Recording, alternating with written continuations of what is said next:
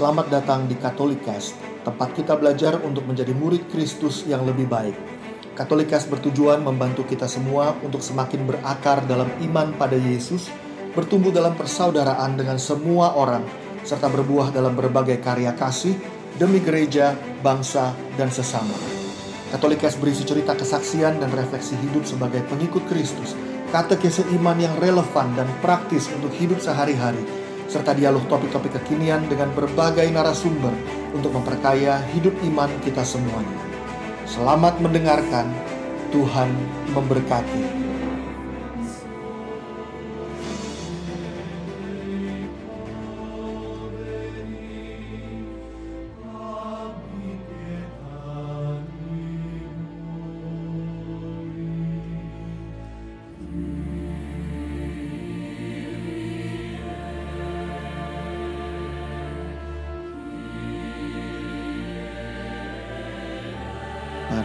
Sahabat dan teman-teman semuanya. Hari ini kita memperingati Rabu Abu, yaitu hari pertama dalam masa Prapaskah. Artinya, mulai pada hari ini kita memasuki masa tobat selama 40 hari ke depan dalam rangka mempersiapkan hati dan hidup kita dalam semangat tobat untuk menyambut Paskah uh, kebangkitan Kristus. Kenapa disebut uh, Rabu Abu, hari Rabu itu karena kita menghitung dari perayaan Paskah mundur uh, 40 hari, lalu nggak hitung hari Minggu. Kalau dihitung mundur itu jatuhnya hari Rabu. Lalu kenapa dikatakan abu? Karena abu itu adalah lambang pertobatan, tanda pertobatan. Maka Rabu Abu menandai dimulainya periode masa tobat kita bersama, retret agung besar gereja untuk bersama-sama mempersiapkan hati dan hidup kita supaya kita juga bisa dengan hati yang bersih menyambut uh, hari raya Paskah nanti, hari raya besar terbesar sebetulnya bagi iman kita. Nah, saya hari ini mau share uh, satu hal yang yang sangat penting bagi persiapan kita selama 40 hari ini. Tetapi sebelumnya saya akan bacakan bacaan liturgi hari ini, Rabu Abu 17 Februari 2021. Bacaan pertama diambil dari kitab Yoel bab 2 ayat 12 sampai 18. Sekarang beginilah firman Tuhan. Berbaliklah kepadaku dengan segenap hatimu dengan berpuasa, dengan menangis dan mengadu. Koyakkanlah hatimu dan jangan pakaianmu. Berbaliklah kepada Tuhan Allahmu sebab ia pengasih dan penyayang, panjang sabar, berlimpah kasih setia, dan ia menyesal karena hukumannya. Siapa tahu mungkin ia mau berbalik dan menyesal lalu meninggalkan berkat menjadi korban sajian dan korban curahan bagi Tuhan Allahmu. Tiuplah sangka kala di Sion, adakanlah puasa yang kudus, maklumkanlah perkumpulan raya, kumpulkanlah bangsa ini, kuduskanlah jemaah, himpunkanlah orang-orang yang lanjut usia, kumpulkanlah anak-anak, bahkan anak-anak yang menyusu. Baiklah pengantin laki-laki keluar dari kamarnya, pengantin perempuan dari kamar tidurnya. Baiklah para imam, pelayan-pelayan Tuhan, menangis di antara balai depan mesbah dan berkata, Sayangilah ya Tuhan umatmu, dan janganlah biarkan mirikmu sendiri menjadi celah, sehingga bangsa-bangsa menyindir kepada mereka. Mengapa orang berkata di antara bangsa-bangsa, di manakah Allah mereka? Maka Tuhan menjadi cemburu karena tanahnya dan menaruh belas kasihan kepada umatnya. Bacaan kedua diambil dari 2 Korintus 5 bab 2 eh, Korintus 5 ayat 20 hingga bab 6 ayat 2. Saudara-saudara, kami ini adalah utusan-utusan Kristus seakan-akan Allah menasihati kamu dengan perantaraan kami. Dalam nama Kristus kami meminta kepadamu, berilah dirimu didamaikan dengan Allah. Kristus yang tidak mengenal dosa telah dibuatnya menjadi dosa karena kita, supaya di dalam dia kita dibenarkan oleh Allah. Sebagai teman-teman sekerja, kami menasehati kamu, supaya kamu jangan membuat sia-sia kasih karunia Allah yang telah kamu terima. Sebab Allah berfirman, pada waktu aku berkenan, aku akan mendengarkan engkau. Dan pada hari aku menyelamatkan, aku akan menolong engkau. Camkanlah, saat inilah saat perkenanan itu. hari inilah hari penyelamatan itu. Bacaan Injil diambil dari Matius bab 6 ayat 1 sampai 6, ayat 16 sampai 18. Dalam khotbah di bukit, Yesus bersabda kepada murid-muridnya, Hati-hatilah, jangan sampai melakukan kewajiban agamamu di hadapan orang supaya dilihat. Karena jika demikian kamu tidak beroleh upah dari Bapamu yang di sorga. Jadi, apabila engkau memberi sedekah, janganlah engkau mencanangkan hal itu seperti yang dilakukan orang munafik di rumah-rumah ibadat dan di lorong-lorong, supaya mereka dipuji orang. Aku berkata kepadamu, mereka sudah mendapat upahnya. Tapi jika engkau memberi sedekah, janganlah diketahui tangan kananmu, hendaklah sedekahmu itu diberikan dengan tersembunyi. Maka Bapamu yang melihat yang tersembunyi akan membalasnya kepadamu. Dan apabila kamu berdoa, janganlah berdoa seperti orang munafik.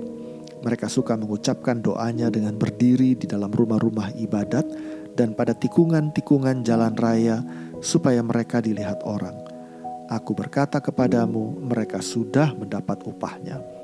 Tetapi jika engkau berdoa, masuklah ke dalam kamarmu, tutuplah pintu, dan berdoalah kepada Bapamu yang ada di tempat tersembunyi.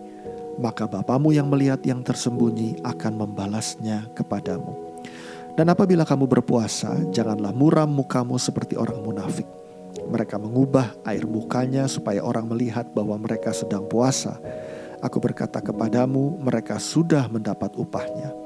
Tetapi apabila engkau berpuasa, minyakilah kepalamu, cucilah mukamu supaya jangan dilihat oleh orang bahwa engkau sedang berpuasa, melainkan hanya oleh Bapamu yang di tempat tersembunyi.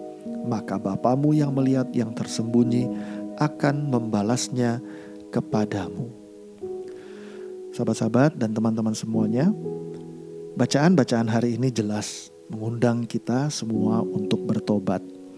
Dan saya hanya ingin menggarisbawahi satu hal, satu unsur, satu aspek yang sering dilupakan di dalam dinamika atau proses pertobatan kita uh, dalam kehidupan kita sehari-hari.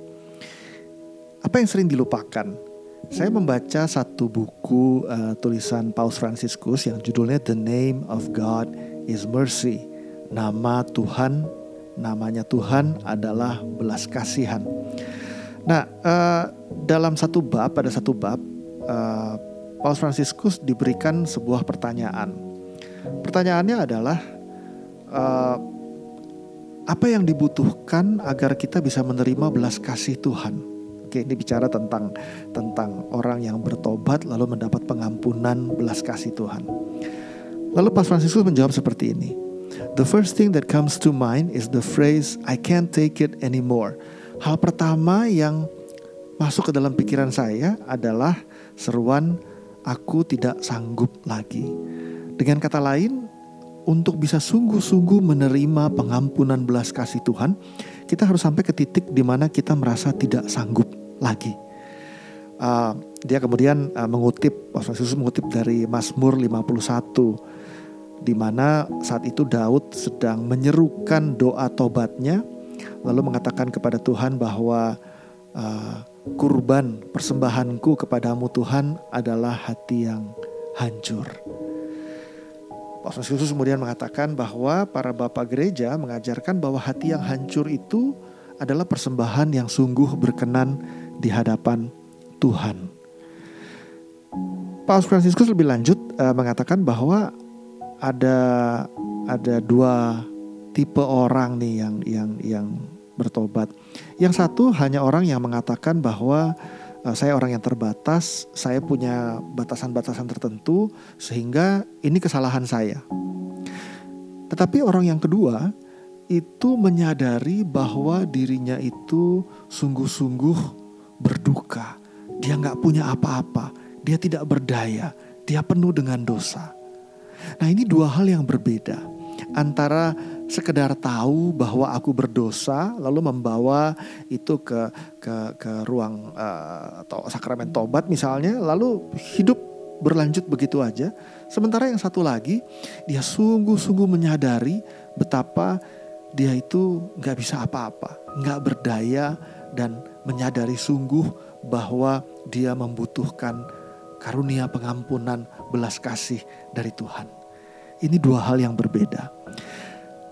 Kalau kita nggak bisa merasakan berdosa sampai hati kita berduka, Paul Franciscus bilang, I would advise him to ask for the grace of feeling like one.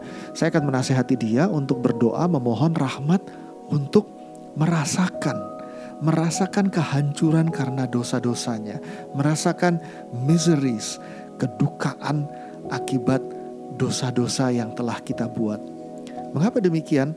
Karena dia bilang kalau kita sungguh-sungguh menerima belas kasih Tuhan, kalau kita sungguh-sungguh menerima pelukan kerahiman Tuhan, pada saat itulah baru hidup kita akan berubah. Baru pada saat itulah kita akan berusaha menanggapi kasih karunia Tuhan yang begitu tidak terduga dan begitu tidak terbatas sehingga kadangkala bahkan terasa tidak adil di mata kita. Maksudnya tidak adil apa? Maksudnya begini, kita menyadari betapa kita kotor, kita menyadari betapa kita berdosa, tapi waktu kita tahu bahwa Tuhan itu begitu mencintai dan begitu mau mengampuni kita, Dia lakukan itu sampai dia mati di kayu salib buat kita. Padahal harusnya yang mati itu kita, bukan dia. Maka hati kita akan tergerak dan mengatakan tidak adil Tuhan. Harusnya aku yang mati di kayu salib. Bukan engkau yang mati, tetapi harusnya aku gitu. Nah, orang ini sampai pada penyadaran betapa betapa limpahnya belas kasih Tuhan. Betapa berlimpahnya kasih karunia pengampunan Tuhan. Betapa tidak terbatasnya kerahiman yang Tuhan berikan. Tetapi dia baru bisa mengalami itu kalau dia juga menyadari betapa hancur dia karena dosa-dosanya. Bayangkan, kalau kita mencintai seseorang dan kita tahu betapa orang itu lebih-lebih lagi mencintai kita, lalu kita melukai hati dia. Kalau kita sungguh mencintai dia, dan kalau kita sungguh tahu orang itu mencintai kita juga, waktu kita melukai dia, kita juga akan terluka. Kita juga akan hancur karena kita telah menyadari bahwa kita menyakiti orang yang paling kita cintai, kita menyakiti orang yang paling mencintai kita.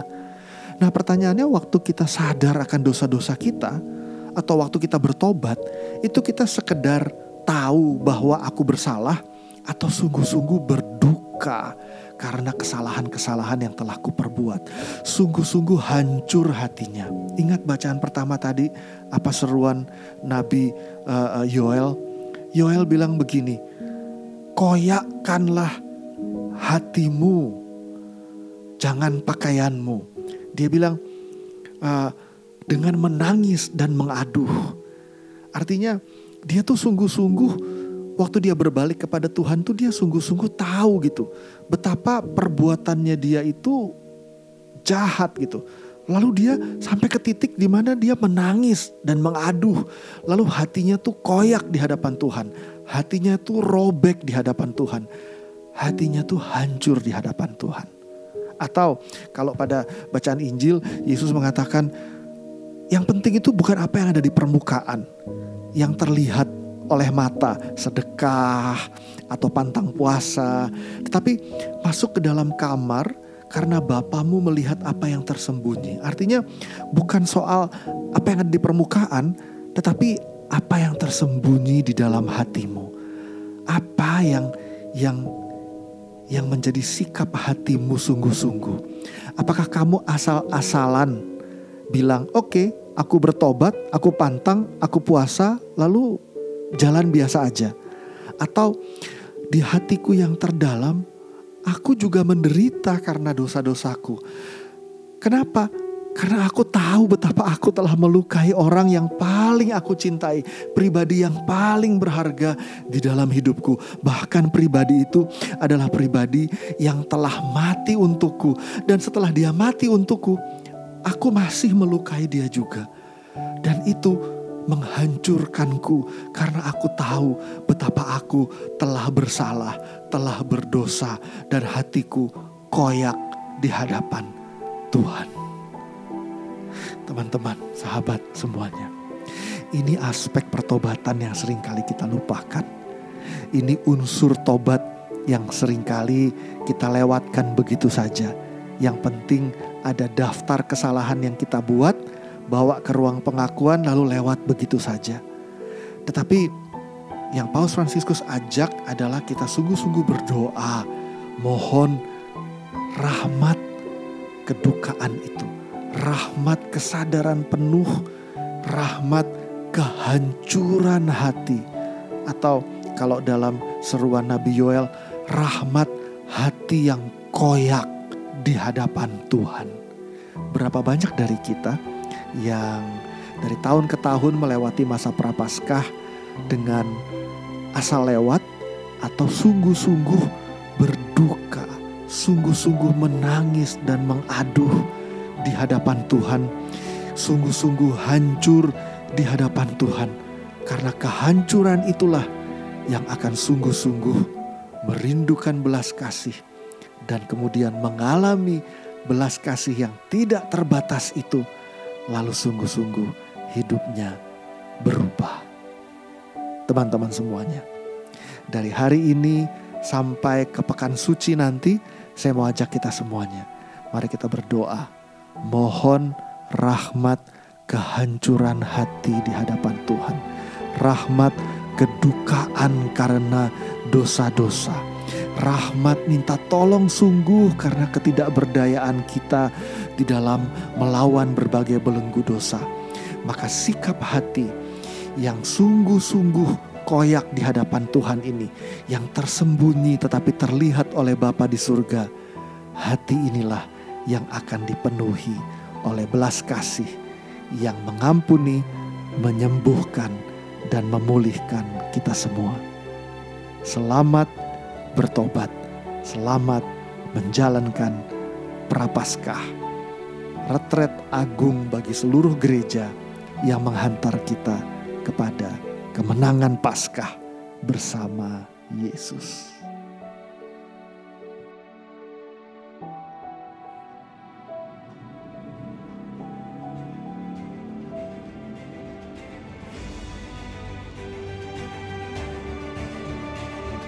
Terima kasih telah mendengarkan podcast ini. Jangan lupa untuk berbagi Katolikes kepada para sahabat dan kenalan kita, supaya semakin banyak orang mengenal kabar gembira Tuhan Yesus dan mengalami kasihnya yang memulihkan, menguatkan, dan memberkati. Sampai jumpa di episode Katolikes yang lain.